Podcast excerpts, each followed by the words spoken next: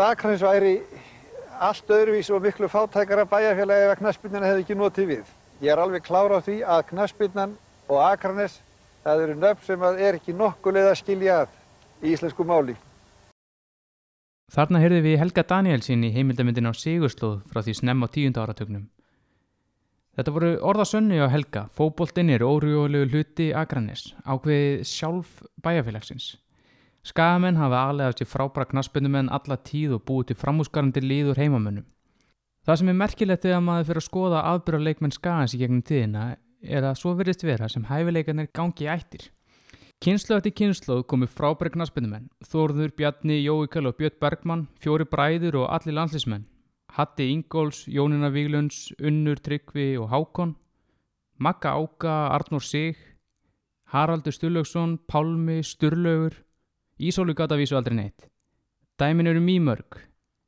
Svo er það kvítanisættin sem minnum hann helst á orra frá þúfu, stóðhæstu sem gnæfir yfir bæjarfélagið og virðist helst vera að nota þetta í kynbóta. Það er einhvað enginlegt að ferð á skaganum.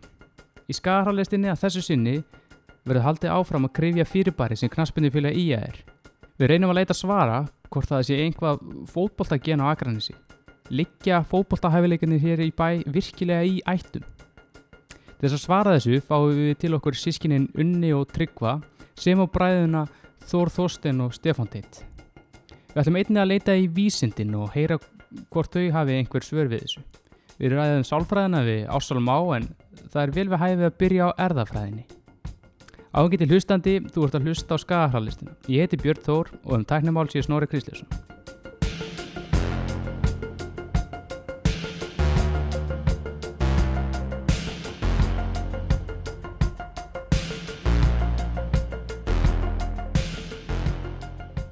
Já, eins og ég sagði þá eh, ætlum við að byrja þetta á vísindunum og hingaði komin dótursnemi í líf- og læknavísindum, Sigurður Trösti Karversson. Siggi Trösti, verður velkomin. Takk þið fyrir. Þú ert hérna á skaganum og, og ert 92 mótel þannig að þú kemur á nokkuð sterkum fótbolta árgang. Hvernig varstu sjálfur í fótboltanum? Herru, ég var, við skulum bara segja að ég hafi verið ágætur. Sæmilugur. Já, sæmilugur, það er bara vel árið komist. Já, þetta var, þetta var flott, flottir strákar sem voru. Andri Adolfs og Hallur og Jonni og Sigurjón og Pálsindri. Þetta er alveg slatta mönnum sem er bara ennþá að spila. Já, það er, það er alveg rétt.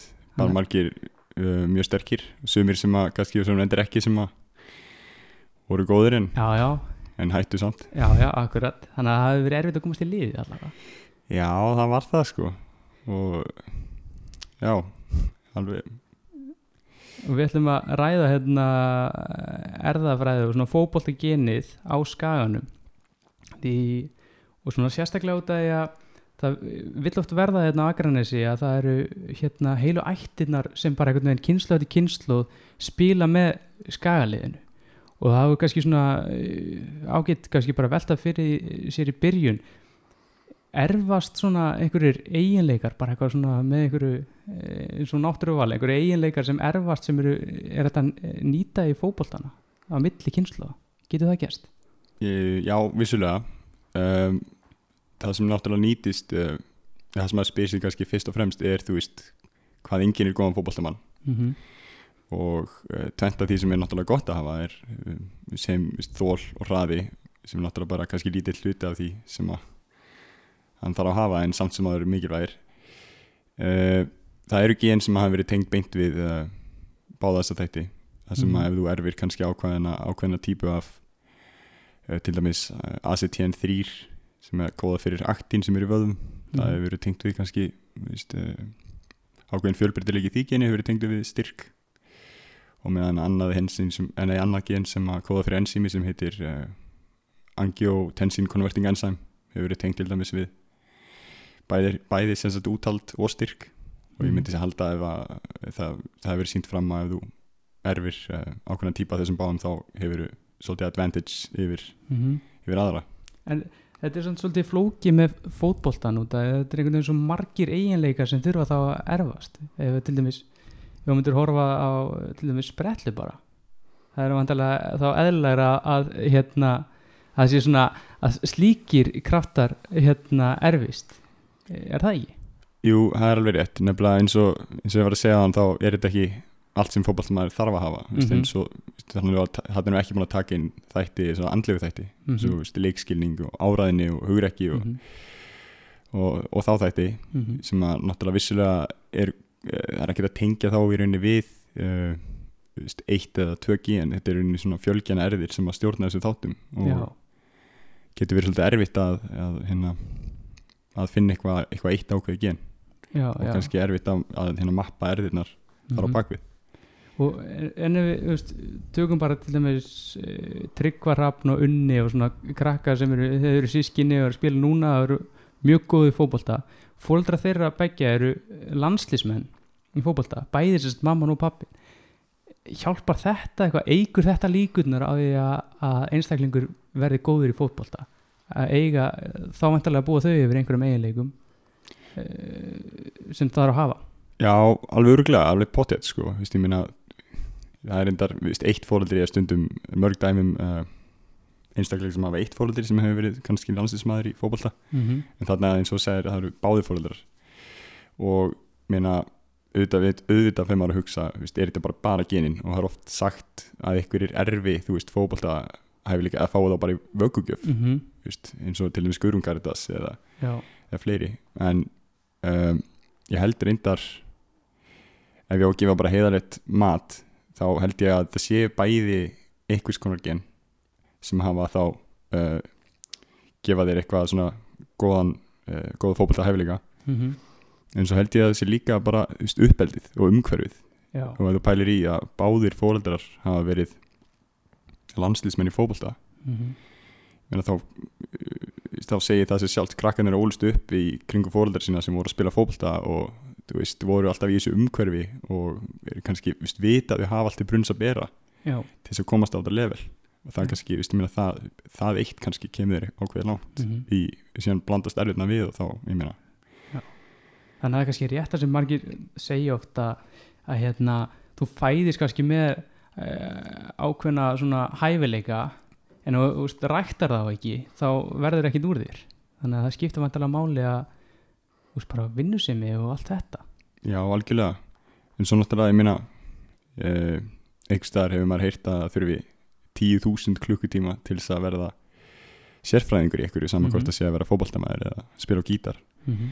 uh, en svo svo sér maður alltaf menn sem að æfa og æfa eða veist, einstaklingar sem æfa og æfa eitthvað en verða aldrei, þú veist, Nei. góðir. Akkurat, en svo eru sumir sem þurfa að valla að æfa eitthvað en verða svo bara, þú veist, langt bestir. Já, þannig að þetta er líka skenin hafa eitthvað að segja um hversu móttækjulegur þú ert fyrir umhverfunu eða æfingunum eða, mm eða því sem er í kringu þig. Já. En, en ef maður pælir í sko bara eiginlegum fótbolta hérna hæfileikum segjum bara eins og við dögum bara spynnugetu eða eitthvað segjum bara Hatti Ingóls, hann var til dæmis hérna öflugur spynnumæður búin að æfa það bara upp og hérna orðin góður í fótbolta alls konar hluti sem geta eftir upp í fótbolta. Eru þessi hæfileikar sem er svona áunnir hæfileikar geta þeir erfst? Það er endar spurning. Uh, þegar þú segir ánir hæfileikar ég veit, ég veit ekki, ég get ekki sagt ég get ekki sagt nei. Nei, en um, ég myndi halda minna ef hann æfi sig og æfi sig þá þú verður, þú verður mjög góður á endanum allavega, þú verður góður kannski ekki mjög góður eða bestur en þú verður, þú þú verður góður í því á endanum mm hugsa ég veist. en það, veist, eins og það er ef að Hatti var góður spyrnumæður það þýðir ekki ef að Tryggvi æfi fótbolta verið góður í fótbolta en æfir ekki sérstaklega spytundar mm. -hmm. muni kannski, veist, muni verða góður í því Nei. bara automatist Þannig samt að það líklega æfa það líka sko. Já, þannig að þú veist, þú getur ekki bara, hérna, þetta getur ekki eins og tölum um þetta er ekki vöggugjöf að vera kannski einhverjir hæfileika sem fóreldrar eru, búin að vinna og vinna að að koma sér upp Um, nei, ég- Nei, ég, ég, get ekki sagt nei, en Get ekki sagt nei heldur Nei. Meina, Það getur verið að eins og uh, við tölum um hérna aðeins áðan þá tölum við um utangenæriðir sem er náttúrulega Mhm. annar partur af verðafræðinni sem að -hmm. Er ekki jafnvel skilin sko. Já, akkurat, ég, kannski við bara ræðum uh, það eins að þetta utan gena erði, þetta er svona sem er svona uh, þetta er svona sem menn eru mikið að pæla í núna. Eða allan að vera mikið í fréttum í það minnsta.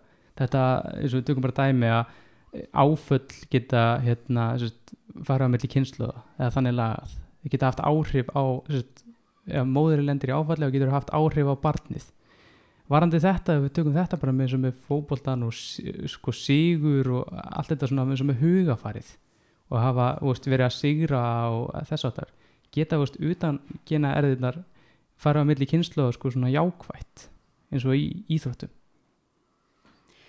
Já, um, þetta er mjög góð spurning og á uh, vissulega rétt á sér. En það sem uh, það er verið að ranns rannsaka mikið af þessu í dag þú veist, það er búið að skoða náttúrulega alls konar uh, líkamlega eiginleika líkamlega eiginleika og, tengsli gen og mm þessar utangena erðir líka, en svo kemur að þessum þú veist, uh, félagslegu þáttum eins og þú segir, þú veist, sigur og við múin að sigra og þú veist, hvort að það geti þá haft áhrif á utangena erðir Mhm. sem að hefur þá áhrif á tjáningu gena og fleira, -hmm. hversu sínir þau eru um, þá veist, það, ég ætla ekki að segja nei. Nei, en ég ætla ekki að segja já heldur. En það sem að er um, með þessi áföll til dæmis það er til dæmis ef að móðir er með afkvæmi allavega nú þegar mm -hmm. gengur með afkvæmi nú þegar og verður fyrir uh, verður fyrir áfalli einhvers konar, þá getur haft áhrif beint. Mhm. og það er rauninni annað heldur en þegar, af, þegar fóreldri lendir í lífsreynslu kannski einhverjum árum áður en að afkvæmi kemur til sögunar já, já uh, það getur náttúrulega haft áhrif á utanginærðir mm veist, alls konar reynsla og, og svona.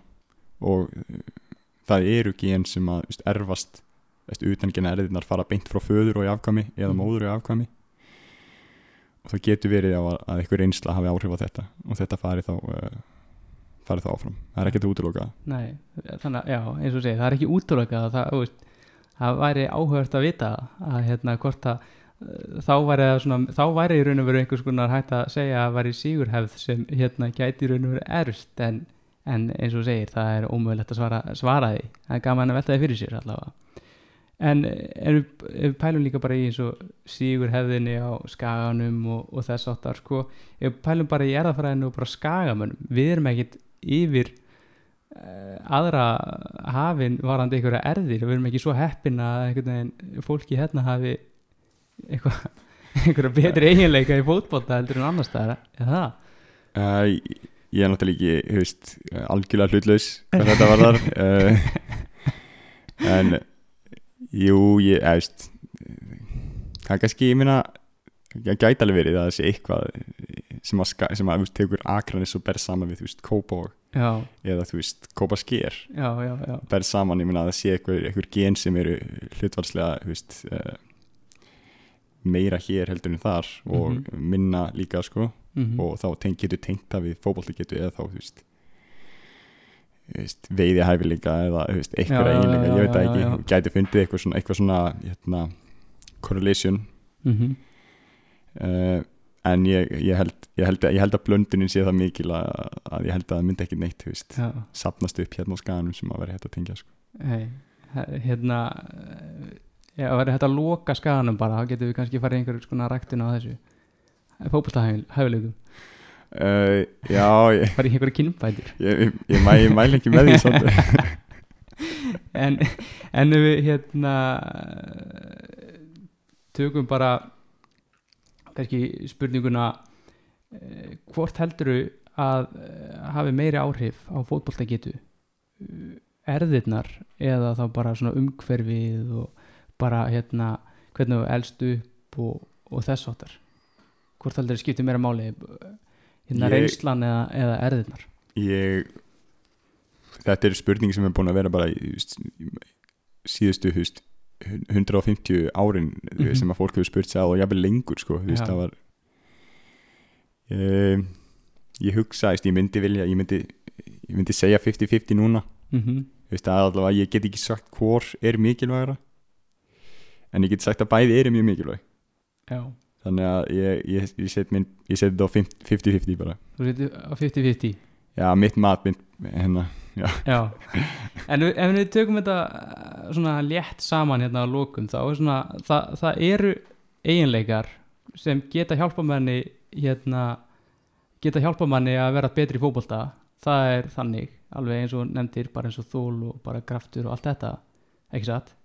Akkurat og, en, en síðan er svona kannski flóknara og svona meira kannski bara vangaveltur hvort að eins og með hérna, eins og með svona hvort að hugafar og allt þetta sigur og einhver svoleiðis geti haft einhver áhrif. Þannig að veist, í raun og veru eina spurningi sem, sem getur mála svona niðurnælt það er, það er að þessar erðir með þóli og allt þetta þær, þær hafa áhrif. En kannski í fótbolta er svolítið erfitt að segja hvað nákvæmlega þú þarf til þess að verða góður í fótbolta? Þetta er, þetta er kannski auðvöldri spurninga ég verið að spyrja eins og við nefndum á með spretli bara.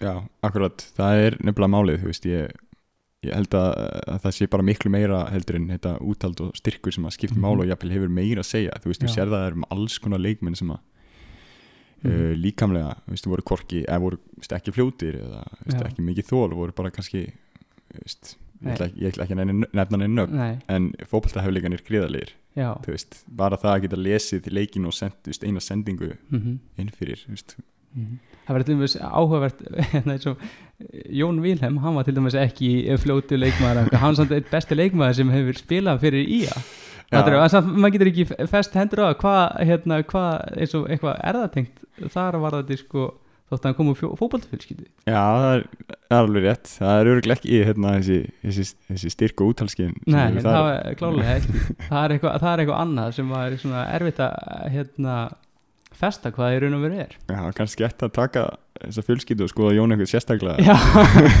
það var kannski áhugavert. Herðu, ég held að við segjum þetta gott. Siggi Drausti, þakka að kjallaði fyrir að koma. Já, takk fyrir að fá mig bara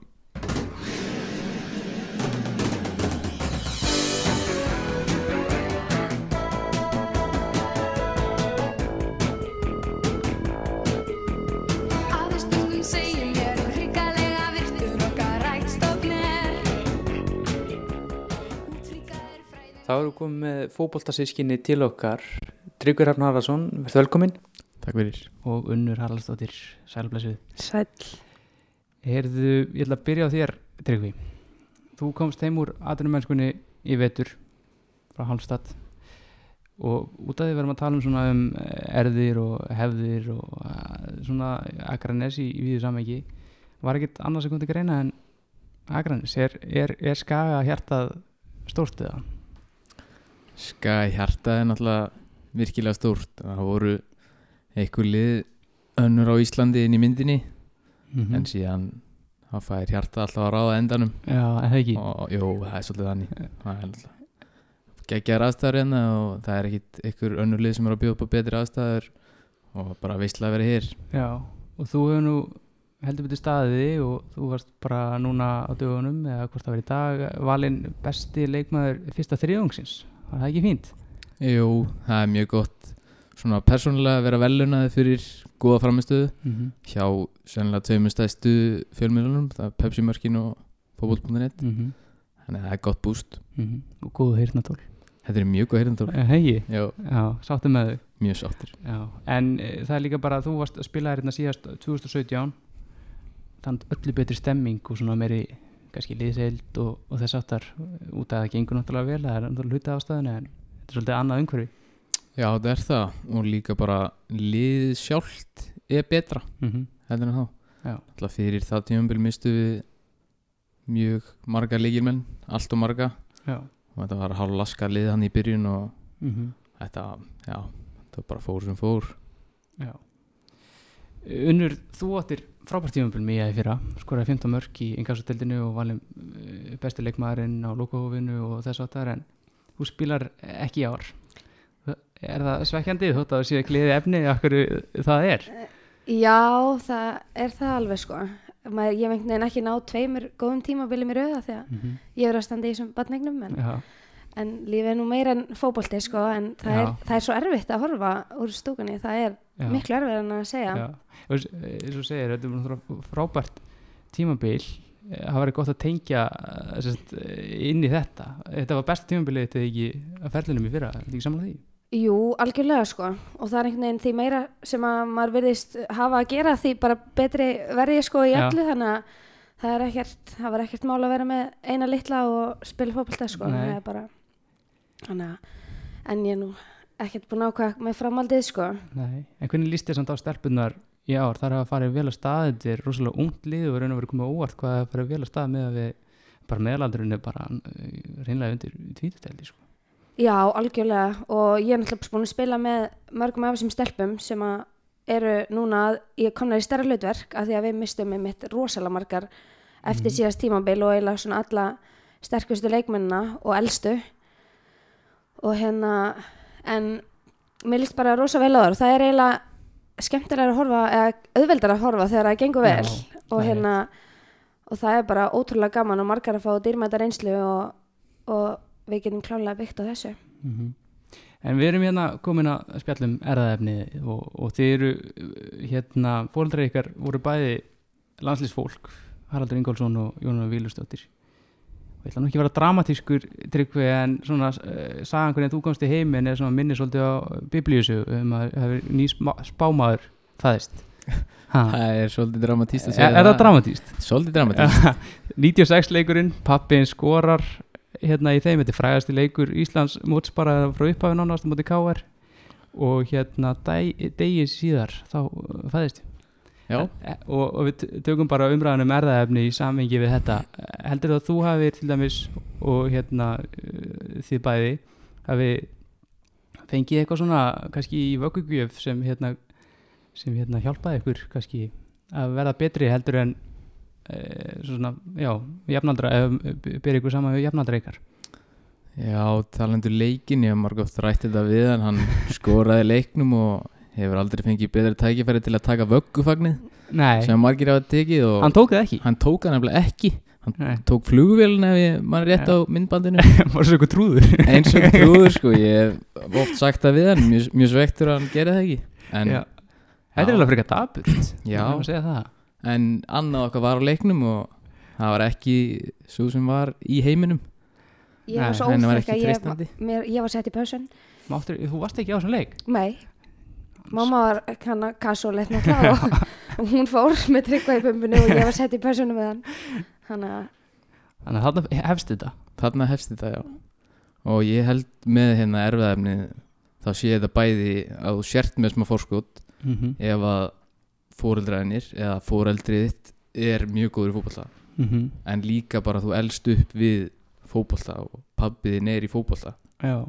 Og mamma henn hefur verið í fótbolta. Mm og þau alltaf verið að horfa á fótbolta og alltaf fjölskyldinu flytur um allt út af fótbolta. Já, já, já, já, þetta snýst svolítið mikið um fótbolta allavega í okkar fjölskyldu og örgulega hjá fullt af fjölskyldum. Já. En eh, já, algjörlega sammála sko, bæði þú veist það getur, það er alveg líklegt að maður hafi eitthvað svona kannski fórskot en maður það náttúrulega vinna í því. Maður það Mhm. náttúrulega að æfa sig og, og vera með metnaðin líka og rækta þessi hæfileika sem að maður, mann er kannski gefið þegar maður fæðist en þú veist, þau eru náttúrulega bara settu frábært fordæmi fyrir okkur og það hefur bara alltaf allt snúist um fótbolta okkar heimili og já, alveg ómetanlegt að þú veist, þau mæta á hvern einasta leik hjá hverju einasta barni nánast og Já. það er alveg geggja bara og þú veist, Já. þetta bara fylgir manni já, Hákon náttúrulega hérna, mjög öflugur líka sem er byrjað svona banka dyrnar hjá mestrarlokki sem er líka bróður ykkar, það er kannski ágætt að koma því á framfæri en eh, eins og bara með eiginleika, svona fótboltalega kannski svona eiginleika sem geta erfst eins og þeir eru bæði mjög snöggir leikmenn.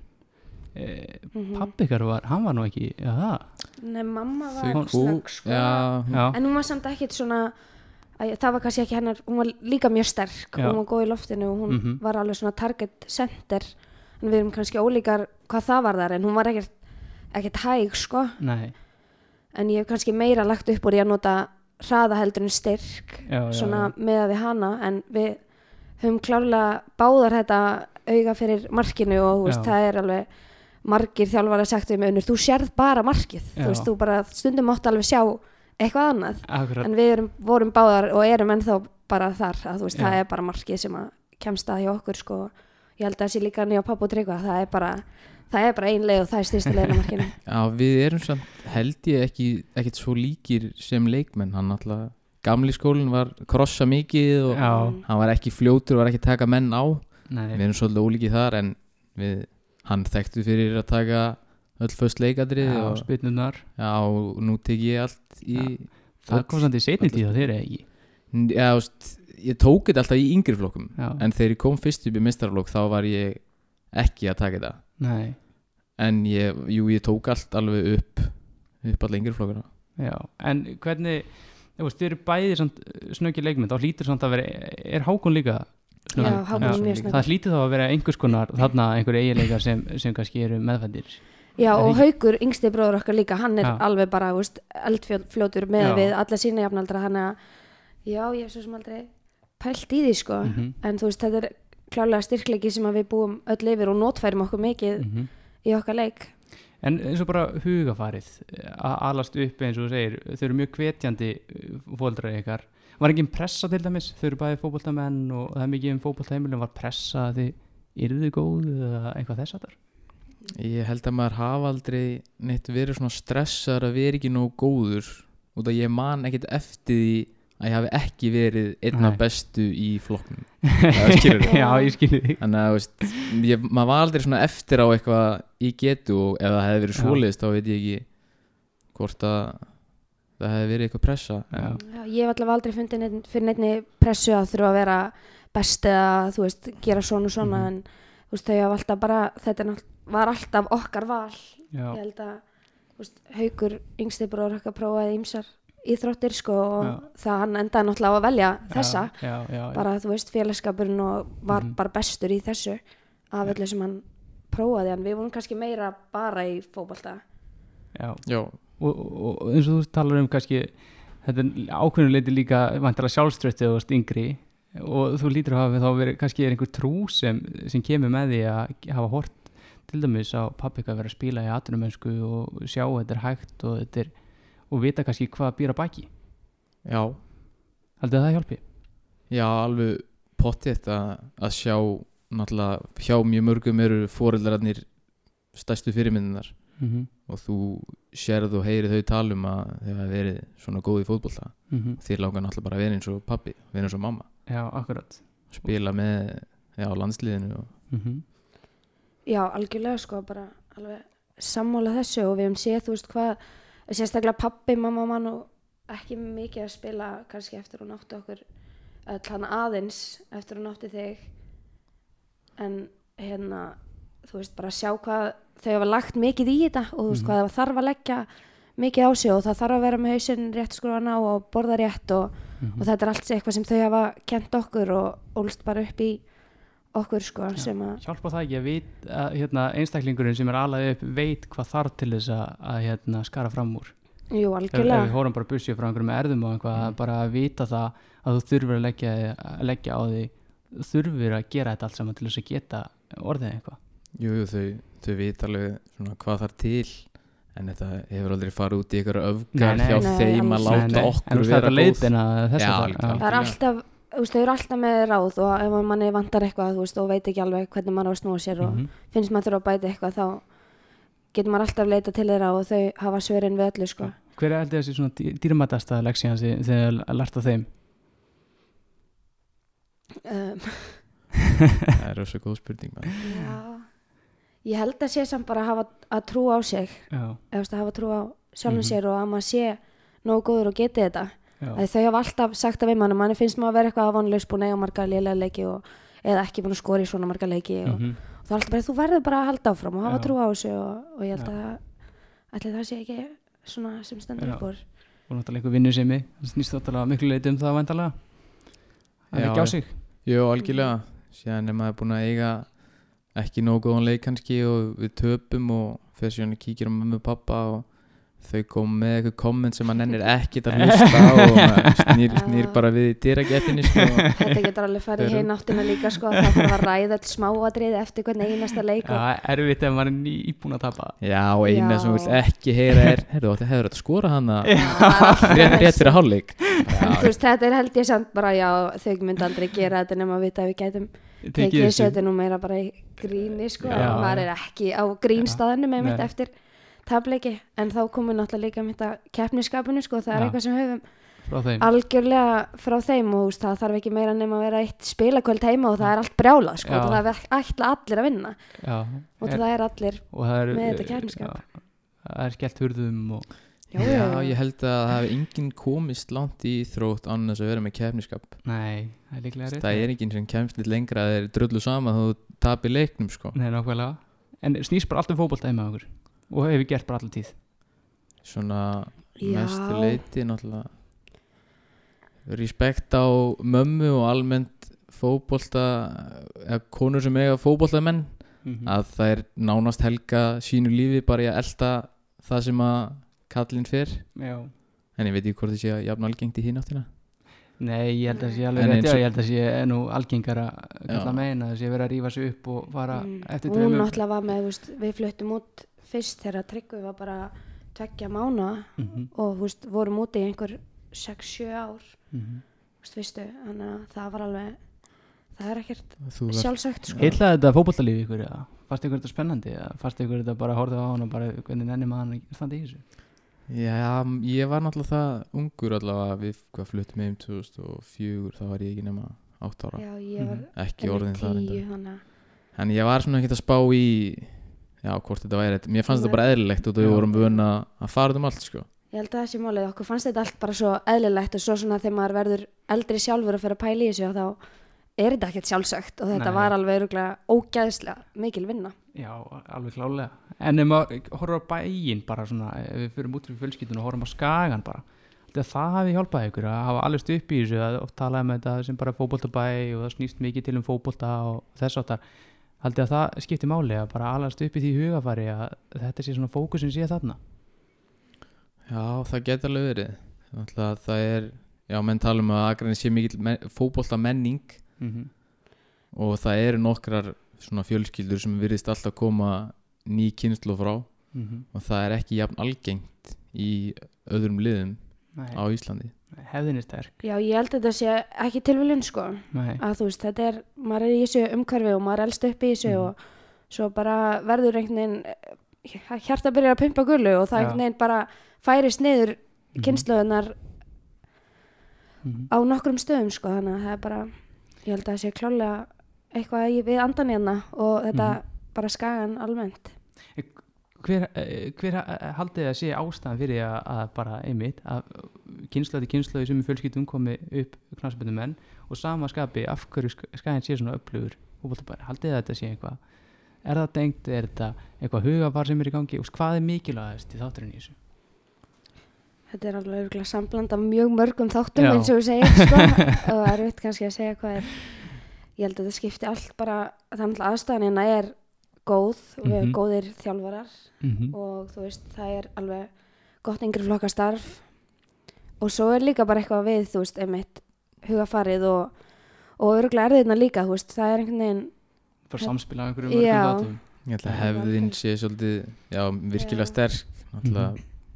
búin að vinna fullt af titlum og fólk á Aganesi er vandi að fara á völlin og mm já, fylgjast með fótbolta og mér finnst eins og svona flestir í bæjarfélaginu viti hvernig liðinu gengur. Já, maður svona fær alveg að fær að vita af því ef að maður er ekki að standa sér nógu vel og líka í, í hináttina ef maður er að gera góða hluti.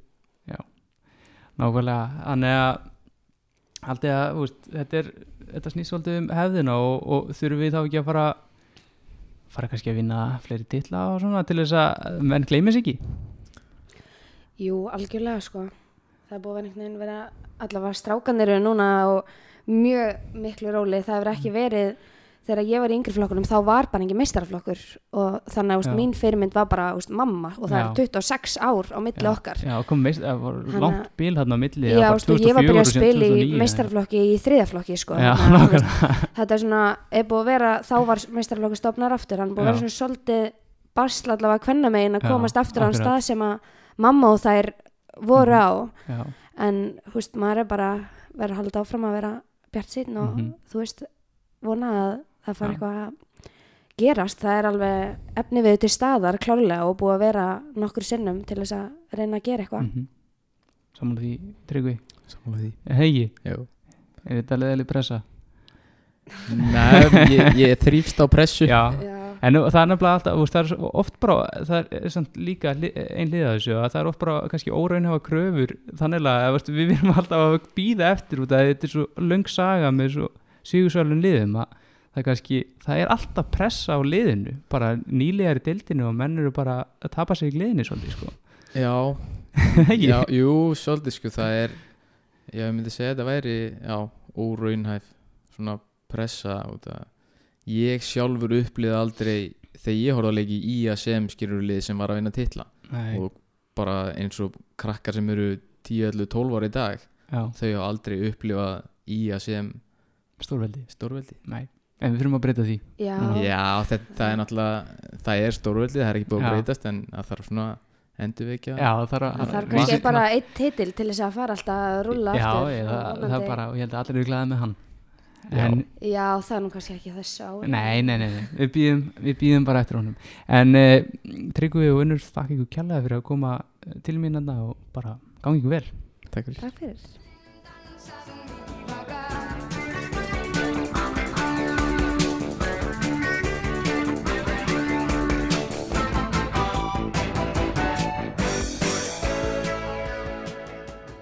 við höldum áfram að krifja fótboltakenið á Akranesi og til þess hef ég lagt landandi fót og er mættur í Kópavók til Ársals Más Arnarssonar, doktors í lífeylisálfræði og prófessor í tómstund og félagsmálafræði í HR.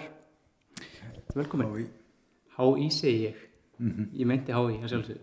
Uh, uh, svo ég bara byrjaði að spyrja þig, þú ert hámentaður og virtum Alveg, er þetta yngangurinn í við? Já, þetta er inngangurinn og hérna, en þrátt fyrir alla þessa mentun og, og, og að- allir við séum að halda áfram bara að í þetta. Berðu enga virðingu fyrir áhörnum. ég, ég bara, ég stjórna þessum þætti á Já, þess, ok. það er bara þannig já.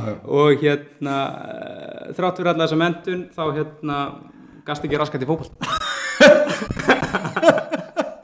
Nei, ég hérna, ég var afleitu fótballamaður og hérna, ég vil nú reynda að meina það sko að því að ég hérna brauta mér að lappirnar í, í hérna, í fótballtarslýsi sko. Það voru hérna, Átni Tom og Maggi Kristjánsins klifruð upp á, klifruð upp á markið þegar við vorum að spila fyrir fram að þekjuna og þegar ég var áttara og duttu síðan með markinu og ofan á lappirnar á mér og, og þannig að ég fó brotnaði. Ég vil meina að það sé ástæðan fyrir því að ég er ekki einn af svona gullaldarmálunum. Ég held nú reyndir að flesti séu þeirra skoðanir að ég hef aldrei getað neitt en, Nei, nei. En, og ég hef bara sloppið fyrir hotvarnar sko, fengið góða afsökun. Þú varst off mjög lengi Já,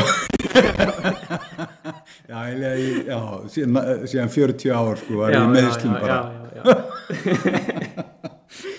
en síðan er það nú líka svolítið þannig að það er svona kannski kaltanarslegt að ég sé fá því að vita því þú ert svona eiginlega svarið við spurningunni sem ég var fram í þættinu. Nú, um að fótboltækinn þau erfast ekki. Þú ert náttúrulega hluti af kvítanis ættin afi en og, og, og þú voruð þú voruð svona eldri voru sískinaböld já, já, og uppbyldisbræður, en, en þú fæst ekki ég, áhugaðan sko á Já, ég hef alltaf haft mjög gaman á fótbolta, en Já, nei, ég hef aldrei getað neitt. það er saman með en hann var ekki góður hann, hann áhugaði hafa svo sannarlega Nú ertu búin að svífir á mig og áfinn, hvað hva endar þetta? En uh, við erum svo sem að fara að gera það sem er löngu orðið tímabært og það er svona sálgreina kvítanisættina.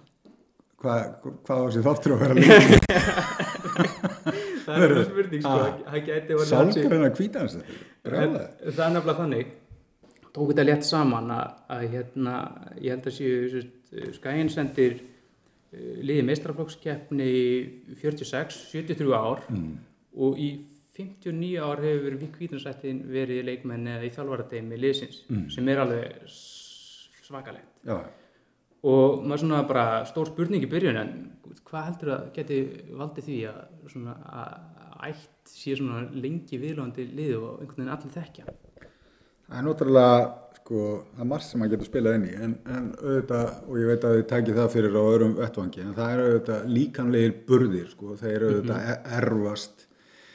Og hérna, þú, þú sér það að þetta, þetta fólk náttúrulega er meira að menna eins og snýtt út úr hérna nössin á hvort öðru en, og það, það er auðvitað grínlaust sko, Þa, það er auðvitað stór hluta þessu. Það er, það er ákveð, ákveð, ákveðnir eiginleikar sem erfast þannig. En svo eru þetta hugarfæri sem skiptir rosalega miklu máli. Og auðvitað mikill áhugi alltaf verið í þessari fjölskyldu á, á hérna, fókbalta og því að ná árangri í, í fókbalta þannig að, að hérna, það skiptir auðvitað kannski jafnvel meira máli sko. Eh, Myndir til dæmis ef við tökum bara Dotta og Stefán Teit sem eru núna í kvítansættinni í liðinu, fulltrúar kvítansættinninnar heldur að þeir hafi kannski haft forskot bara að geta hort til þess, þú veist, frendi er að Óli Þórðar, pappi er að Þórður Þórðar, Steppi Þórðar og síðan Þórður Þórðar svona eldri, mm. Teiti Þórðar svona, þetta er stór nöfn að bara geta hort til þessara manna. Já, já, það er, það er auðvitað þannig að, að hérna, og, og kannski, þú veist, búast menn við einhverju frá þeim, sko, það er líka náttúrulega umhverfi kannski býst við einhverju og hérna kannski gefur þeim ákveðna, hérna, það gefur þeim ákveðu forskot líka, skilur það, það er, maður horfir ofta á, á, á krakka sem að, þú veist, Eður Guðjónsson og, og fleiri, skilur það er ákveðin, maður gerir sér á, ákveðna væntingar Já. til, til þessara krakka og þau, þau kannski fá, fá svolítið forskot þannig líka, sko. og ge- getur samt líka uh, verið erfitt vandarlega fyrir það að þú, að það er bara frá því úr krakki kannski hortið þess að þetta er- er nú einn annar úr kvítunarsætinu, hann lítur nú að, Já, já. að fara að gera eitthvað eins og. Óli frendi sinn, hvernig sem það er já, já, já, já, það er auðvitað, þetta, þetta getur náttúrulega verið tvíbent, sko, að, að þetta getur líka valdið óþarlega mikill pressu á, á hérna, sérstaklega unga, unga krakka. Að, að þú átt að standa undir einhverjum væntingum sem, að, sem eru bara ekki í, í samræmi við, við þína getu á, á, á einhverjum ákveðnum tíma. mm algjörlega og uh, síðan eh, eins og nefndir á hana þetta hugafar kannski eh, getur það svona einhvern veginn smitast ef að til dæmis bara í ætt eða foreldrar eða, eða hvernig sem það er að til dæmis menn þekkja höldum bara áfram, bara tökum bara kvítinsættina sem dæmi, Óla Þórðar og svo kalla við þekkjum, það þekkja allir baráttu viljan, dugnaðin og allt þetta sem hérna þeir standa fyrir. Já, vinna mikið, það hefur verið Já. þekkt svona að Óli hefur alltaf unni mikið með fótboltanum, það er ekkert verið það er bara unnið 8 til 5 og allt þetta Já. hugafari, er þetta eitthvað hugafari kannski sem hefur jafnvel hjálpað þessum stráði tengjum? Já, já, ég veit ekki hvernig þetta er núna í, í fjölskyldunum núna. En ég man alveg eftir hvernig, hvernig þetta var þegar að sérstaklega Óli að því að við erum nú svona svipum aldrei sko, ég man alveg eftir hvernig hvernig það var sko og þetta, þú veist, Óli bara þú veist, vann einhverju byggarúsleita lengi og hann átti bara, þú veist, að fara að keira bara klukkutíma eftir það sko. bara byggði eftir um fyrir utan. Já, já, það, það voru engin, engin gríð gefið, gefið með það sko, þannig að, þú veist, og það eru þetta hluti af sko, af þessu, þessu hugarfari sko, það er sko, uh, hluti af því sem að smitast yfir af svona íþrótta fjölskyldum og þetta, þetta er ekki bara ég að segja einhvað út í bláinu heldur, heldur hafa rannsóknir sínt þetta að hluti af því er einmitt þessi, þessi vinnusemi, þessi áhersla á vinnusemi sem að auðvitað allir vita að, að skila árangri. Já. En þess að það hjálp vandarlega að þegar til dæmis einhver sem skara fram úr einhverju, hann veit hvað býr að baki þess að skara fram úr. Já. og bara það að vita það til dæmis þá getur hann vandarlega miðlað þessu til. Þú, þú, Já, þú, get, þá getur þú sagt við eins og Arnó Guðarsson þótt að Eiður hafi verið með náttúrulega hefðleika þá hefur vandarlega getað miðlaði til hans. Já, þú þarfst að leggja þig alveg 100% fram Já. og gera þetta og þetta og þetta til þess að ná þessum árangri. Það getur verið eitthvað þannig svona liklar sem þeir geta gefið þessum uh, fólkinu sínu Þetta gengur auðvitað rosalega mikið út á þrautsegju að sko að þrauka í gegnum það þegar að illa gengur og, og halda fókus og, og hérna og gefast ekki upp sko. Og það er náttúrulega, þú veist, við sem þekkjum þetta fólk sko, vitum að, að, að það er mjög ríkt, ríkt í því. Og hérna, þú veist, ég meina, Óli til dæmis er, er auðvitað, þú veist, flinkur fótballtamaður en, en það sem var náttúrulega engjendan alla tíð var náttúrulega alveg ótrúlegur baráttu vilji og, og, hérna, og þetta hætti aldrei.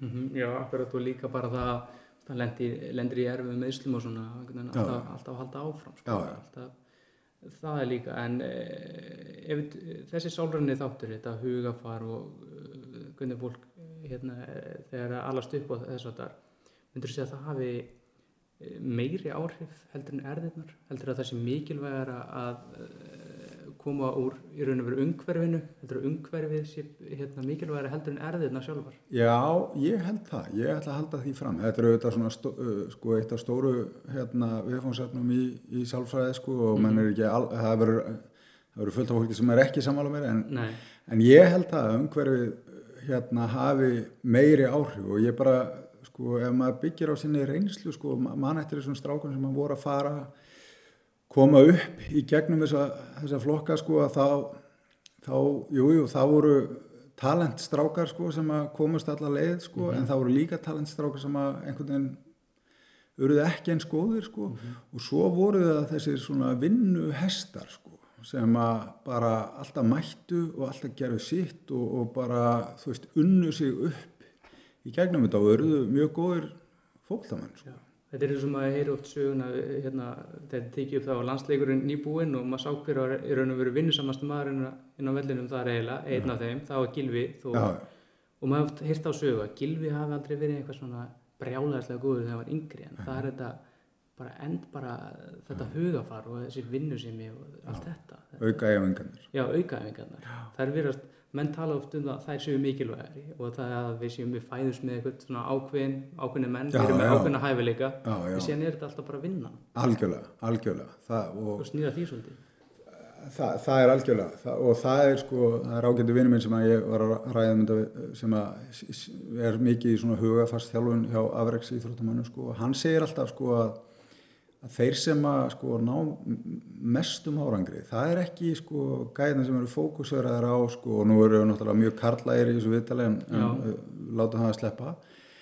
Eh, sko það er ekki gæðin sem eru endilega uh, alltaf með sko stóra leikin í hausnum sko, að, alltaf að leggja sig fram, sko, mest fram í hérna, stóra leiknum, það eru það heldur eru gæðin sem hafa alltaf gaman að því að mæta á æfingar. Og þú veist, finnst bara gaman af því að, að tilherja þessu og, og, og taka þátt sko. Já. Og það er kannski líka, eh, svo við svona ræðum um það að lókum, það er líka, þú voru að tala um að vilja taka þátt og vera hluti að liðinu og allt þetta, að vera skagamaður og það er mjög ríkt í þessum uh, Óla Þórðar og, og, og þeim.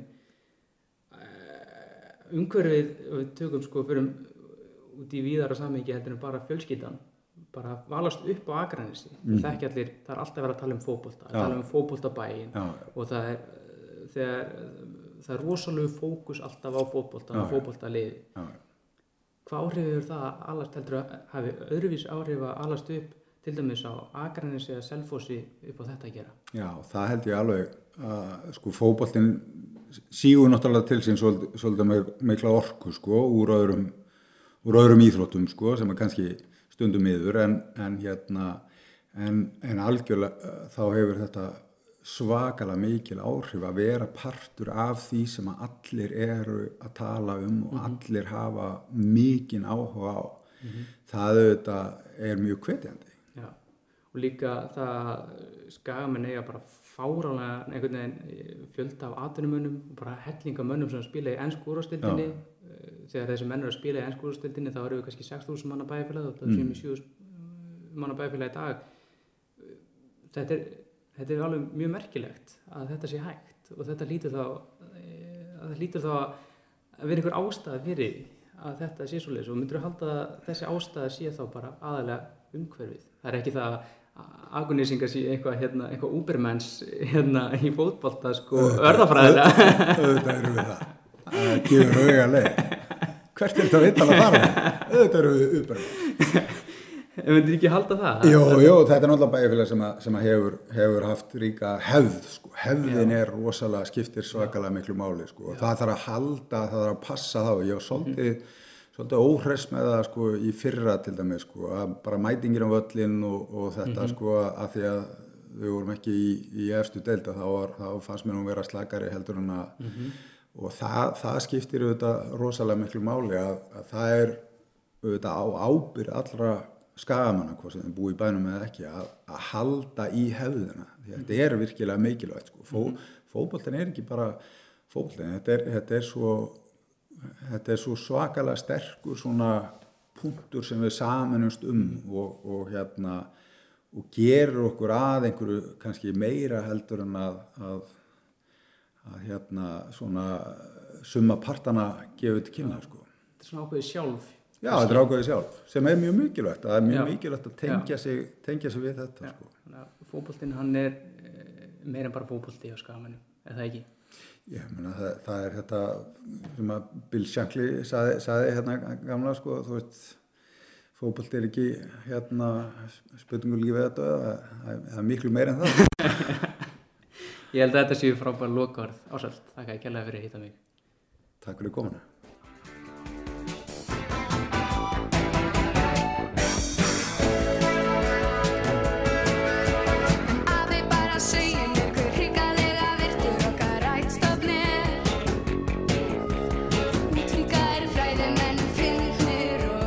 Jæja, þá erum við komið með kvítinni sættina sjálfa í sett. Þóruð Þorsti Þórðarsson, velkomin. Takk. Og Stefán Teitur Þórðarsson, sælublesaður. Sælir Herðu, ég ætla að byrja aðeins á þér Þórður. Og hérna ætla aðeins að fara í smá sagfræði. Þetta nafn, Já. þú ert Þórður Þorsti Þórðarsson. Já. Síðan kemur Þórður Þórðarsson. Já. Þórður Þorstinsson Þórðarsson. Já. Þórður Þórðarsson. Já. Þórður Þorstinsson Þórðarsson. Akkurat. Þórður Þórðarsson. Akkurat. Þórður Þorstinsson, Þorstinsson segi ég og sonuðin heitir Þórður hérna, er þetta eitthvað slæmt tilfelli af þráhyggju eða hvað veldur þessu? Ég, það veldur sér held ég ekki neitt sko, það er bara, það er bara, um, já ég eiginlega bara get ekki svarað því sko, þegar ég kynntist kæristum minni þá saði henni eftir dágóðan tíma að við myndum eigna strák sem fyrsta bad, þá myndi hann heita Þórður. Næja, hún er tekið í það Já, hún bara þurfti að taka í það. Þannig að þú vilt ekki vikinn en þetta sé þráhyggja eða? nei, nei, þetta er bara eitthvað svona hefð sem hefur skapast í gennum tíðina og, Já. og þau eru haldið áfram, Þetta sem er er bara gaman. heldur betur hefða fjölskýta Já, en e, ég hérna ætla líka að hérna negla einnig spurningu varandi sko það sem kom fram í skagarhalistinni öðrum þætti Já. Ég ætla ekki að fara að eitra klefan hjá skagamönnum nei, En í þeim þætti kom fram eh, að Hallur og Arnar söguðu því um að vera með einhvern alvesta tónlistasmekkin í, í búnisklefanum. já, Uh, viltu staðfesta hann orðarum eða viltu koma hann Ég- vísa þessi til föðurhúsana? þetta er náttúrulega að vísa beint í föðurhúsin. Sko, við erum náttúrulega með einhvern söngfugl, Hall Flósason, Mm -hmm. glimrandi á einhvern gítar og Þykist þetta allt? Já, já, hann bara Já, við vísum þetta bara beint í föðurúsin En viltu koma þessum til að einhvern annan eða? Vesti tónlistasmekkurinn? Versti tónlismökkurinn Nei, þetta er, þetta er mjög fjölbreytt sko. Ég, ég er ánægð með þetta. Já. En það er samt rétt að þú ert svolítið að lækka í tónlistinni þegar þegar Já, missti það er alveg hárrétt. Já, það, meira, svona slökk í einu sko þegar að það er stundum með að vera að er að- spila eitthvað er að sem við nýja bara, skólinn mætir sko. Stundum með bara að vera að spila hluti þarna sem ætti að vera í Guantanamo sko. Algjört djöfusis viðbjöður sko. Já, já, en við fyrir hérna yfir hérna og byrjum því hérna Stefán. Þú varst að koma frá Danmörku í Jú, í U21 árs verkefni og bara hvernig gekk og, og hérna og hvernig líst þér á, hérna undakefnina framönda það gekk bara mjög vel. Við byrjum að æfa hérna heima svona aðeins stærri hópur og svo var aðeins fækkað í þóttum nokkur, nokkur meðsli og svoleiðis og fórum svo út og æfðum og vorum í Horsens og það gekk bara virkilega vel og ég byrjaði leikinn og- sem var virkilega gaman. Mm -hmm. Og skoraði mitt fyrsta landslismark sem var líka En Þetta var enginn í markinu en það, teljið það veit ég ekki Já, þetta var eitthvað 25 metra færi og Nú. Já, varst, varst, þú varst ekki að spila fram með það? Nei, nei, ég var að spila á miðinni Já, Við spilum með uh, þryggja manna miði þannig að já. það virkaði vel. Og hérna, þú ert búin að vera bara á miðjunni bara síðan þú var settur þarna einhvern tímann undirbúinstíðanbílinu þú kann bara ágætlega við þig ekki satt, Jú, bara á virkilega vel búin að fengið mikið lof fyrir? Já, bara búin að aðlaðast vel og bara haldið áfram að gera það sem er að gera sko. Ég mátti velja að spila fram með að miðjunni? Er eitthvað, Já, ég, ef þú hefði spurt með þessu fyrir sex mánuðum síðan þá hefði ég sett fram mig en mér finnst skemmtilega núna á miðinni já, þið líður bara svona, svona líka vel á miðjunni. Já, algjörlega, líka bara ef það ekki er búið að vera ganga svona vel eins og þú er búið að gera núna þá hef ég 100% sett fram mig en já, það er bara búið að ganga svo vel að já, mér liði vel. Já. Glæsilegt, en við erum komin til þess að ræða um fótballtekina á Akranesi og það er nú búið að ræða svolítið í þessum þætti kvítanusætina sem þið komið nú úr. Og ég ætla bara svona að negla fyrstu spurninguna á okkur bara við fyrir bara í erðirnar sjálfar. Haldið að þið hafi hérna svona fengið eitthvað í vöggugjöf sem hérna gaf ykkur forskot á aðra jafnaldra ykkar. Þú mátt bara, Dóti Take it away. Já, Já, ég held að það sé alveg klárt. Það er ekki, ekki tilviljun að, að okkar ætt sé svona mikið í fótbolta. Um, hvort það sé þá bara uppeldið eða, eða já við sjáum náttúrulega þú veist þessa, þessa eins og pappa og Stefán og vera í fótbolta. Við, við sjáum söguna með Óla og, og Teit og, svo langafa okkar um. Vi, við erum bara líka við erum að alast upp í kringum þetta og við sjáum bara hvað þetta er Mhm. og sjáum hvernig þeir eru búin að vera og auðvitað langar okkur bara að gera það sama og, og þú veist, tala með erðirnar og veist, það er ekkert eitthvað lindamála fjörskiptun okkar getur verið svolítið skrítin í haustnum og svolítið svolítið svona ákveðin þannig að ég held að við höfum 100% skrætt á því. Já, Hva, hvað hérna, þætti svona, svona hugafarslega myndir þú halda að þið hefði svona hérna, fengið svona varandi að vera í kringum þetta fólk? Já, við, við sitjum ekkert eitthvað rosalega mikið á skoðunum okkar, við látum alveg vita hvað við viljum og, og þú veist, það er bara gríðarlega metnaður í fjölskyldinu og þannig að ég held að það sé bara málið sko. myndir segja þrjóska? Já, 100% og bara já, eins og þú sagði, metnaður. Ég held að það sé bara að, ekki gefast upp. Eins og Óla Þórðar Óli, sangat öllum sem var talað við um Óla, gati ekki neitt í knattspilnu en, en en bara gafst aldrei upp. Nei, nei, og barðist eins og anskotinn og hann var 1 og 20 og vann alla skallabóta og þú veist þetta eru hluti sem skipt svo miklu máli því að það er hellinga fótboltamennum úti sem eru góðir í fótbolta. Mm en nennar samt ekki að gera neitt við það. Nei. og, og þess vegna na, eins og Óli fer út í aðdurum ösku. Og Stefán Þór sami Stefán, hann, Stefán var ekkert frábær fótboltamæður nei, en hann bara gafst ekki upp. Nei, hann barðist og barðist allan leikinn og hljóp og hljóp og hljóp og já. þessi, það er hort svo mikið þessa hluti En hérna, úst, eins og með þig líka bara, þú ert nú einu ára yngri en ég og þú þótti nú ekki aðbyrra knassbundum maður þegar ég var yngri, ég minnist þess ekki, hérna, heldur þetta, veist, það er bara svona, veist, að hafa trú á því að maður nái einhverju, hérna, nái kannski hérna inn í meistarflokka, eða hvernig sem þið, það að hjálpa þér að, geta hort á þessu kalla og, og hérna, þeir kannski á aukslinaðu líka að, hérna, Já, ég meina þegar maður byrjaði að vera í þótt og þótt fyrir einhverjum tíu ára síðan eða eitthvað þá var þetta að byrja þegar maður var í fjórðaflokki sko?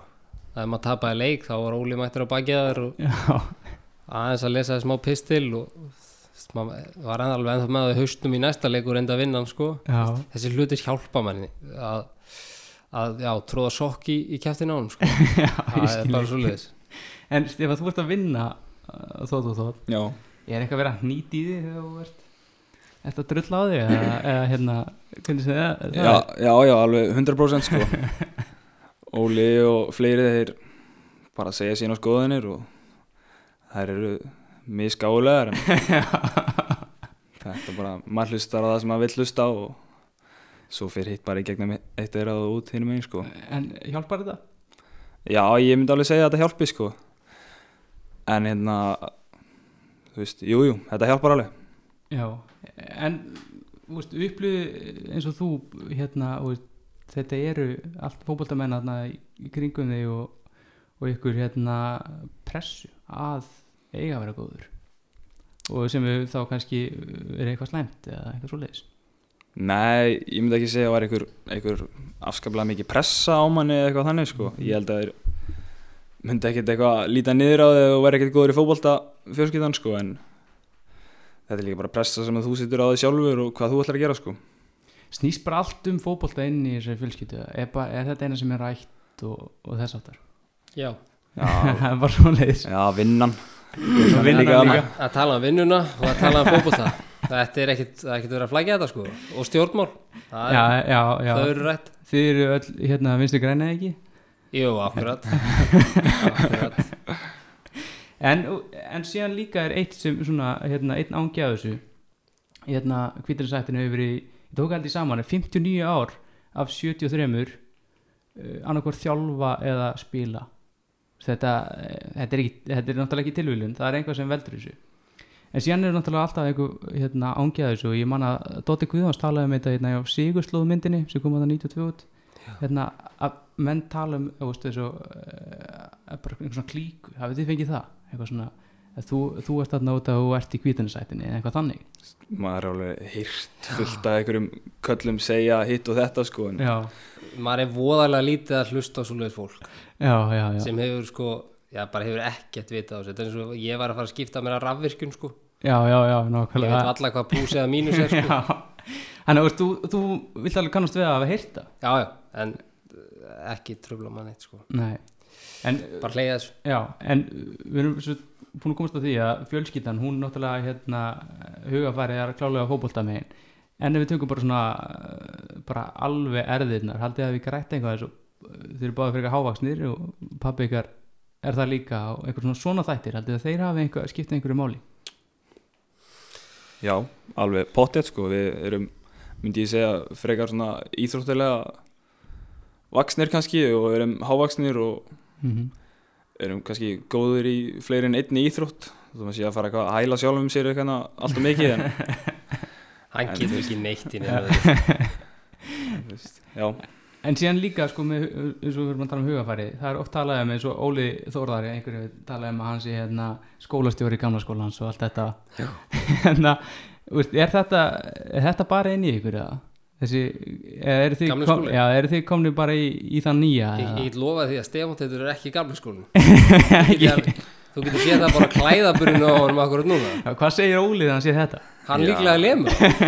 Ég er ekki mikið að vinna með derhún og eitthvað svoleiðis í vinnunni sko. Nei, nei, nei. Mæta hérna með derhú í skíðu veðri. Þetta er fáránlegt. En, en síðan er líka hérna bara skæin sem held þeir eru náttúrulega miklu skagamenn og þessu ætti mikil skaga, mikil skaga svona mikil skaga, skaga hjarta í henni.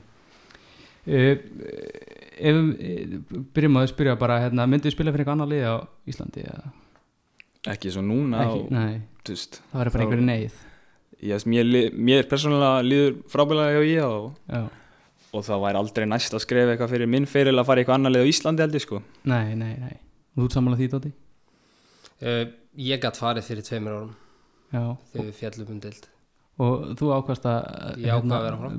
be- berja brjóstið, hjarta já og, og sé ekkert eftir því í dag sko.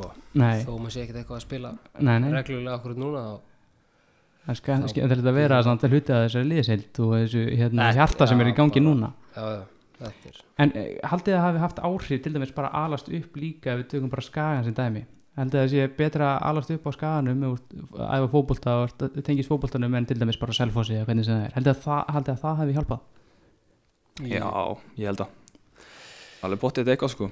Þú veist, maður fór bara þegar maður var bann þú veist, maður fór bara út í fótbolta sko. Þetta var ekkit, ég var ekki heima með mér að læra í grunnskóla Nei. sko. Þú veist ekki mikið í því Dóti nei, og ekki heldur í framháskóla ég, þú veist ég hef ekki mikið verið í þessu mentarugli sko.